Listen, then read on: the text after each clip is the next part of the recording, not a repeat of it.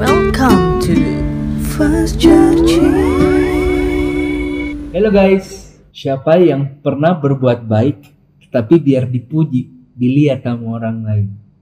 Misalnya, ngasih barang, ngasih hadiah, ngasih makanan, ataupun mungkin ikut dalam pelayanan, tetapi ya biar ada konten buat di-share di sosial media, di IG story misalnya.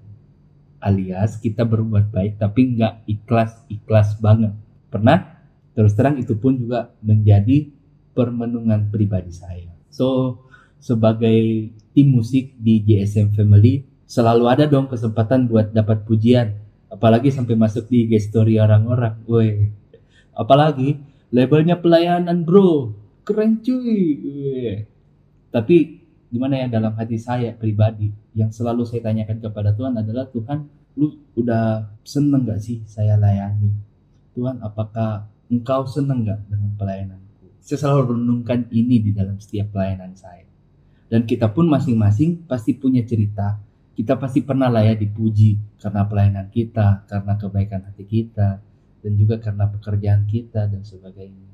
Ya sama sekali nggak dosa sih kalau kita dapat pujian, sama sekali nggak dosa. Tapi itu juga bukan tujuan utama kita.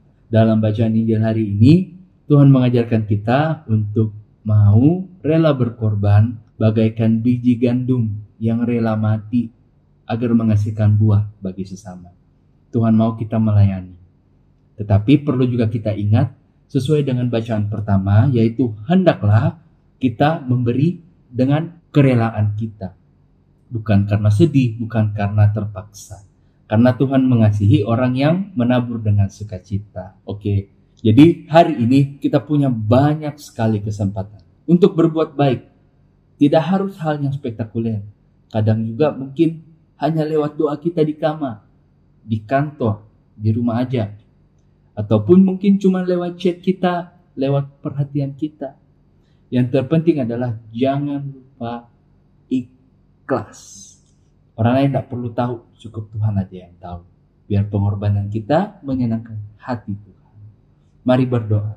Dalam nama Bapa dan Putra dan Roh Kudus. Amin. Tuhan, kami mau belajar ikhlas, mengasihimu, dan sesama kami.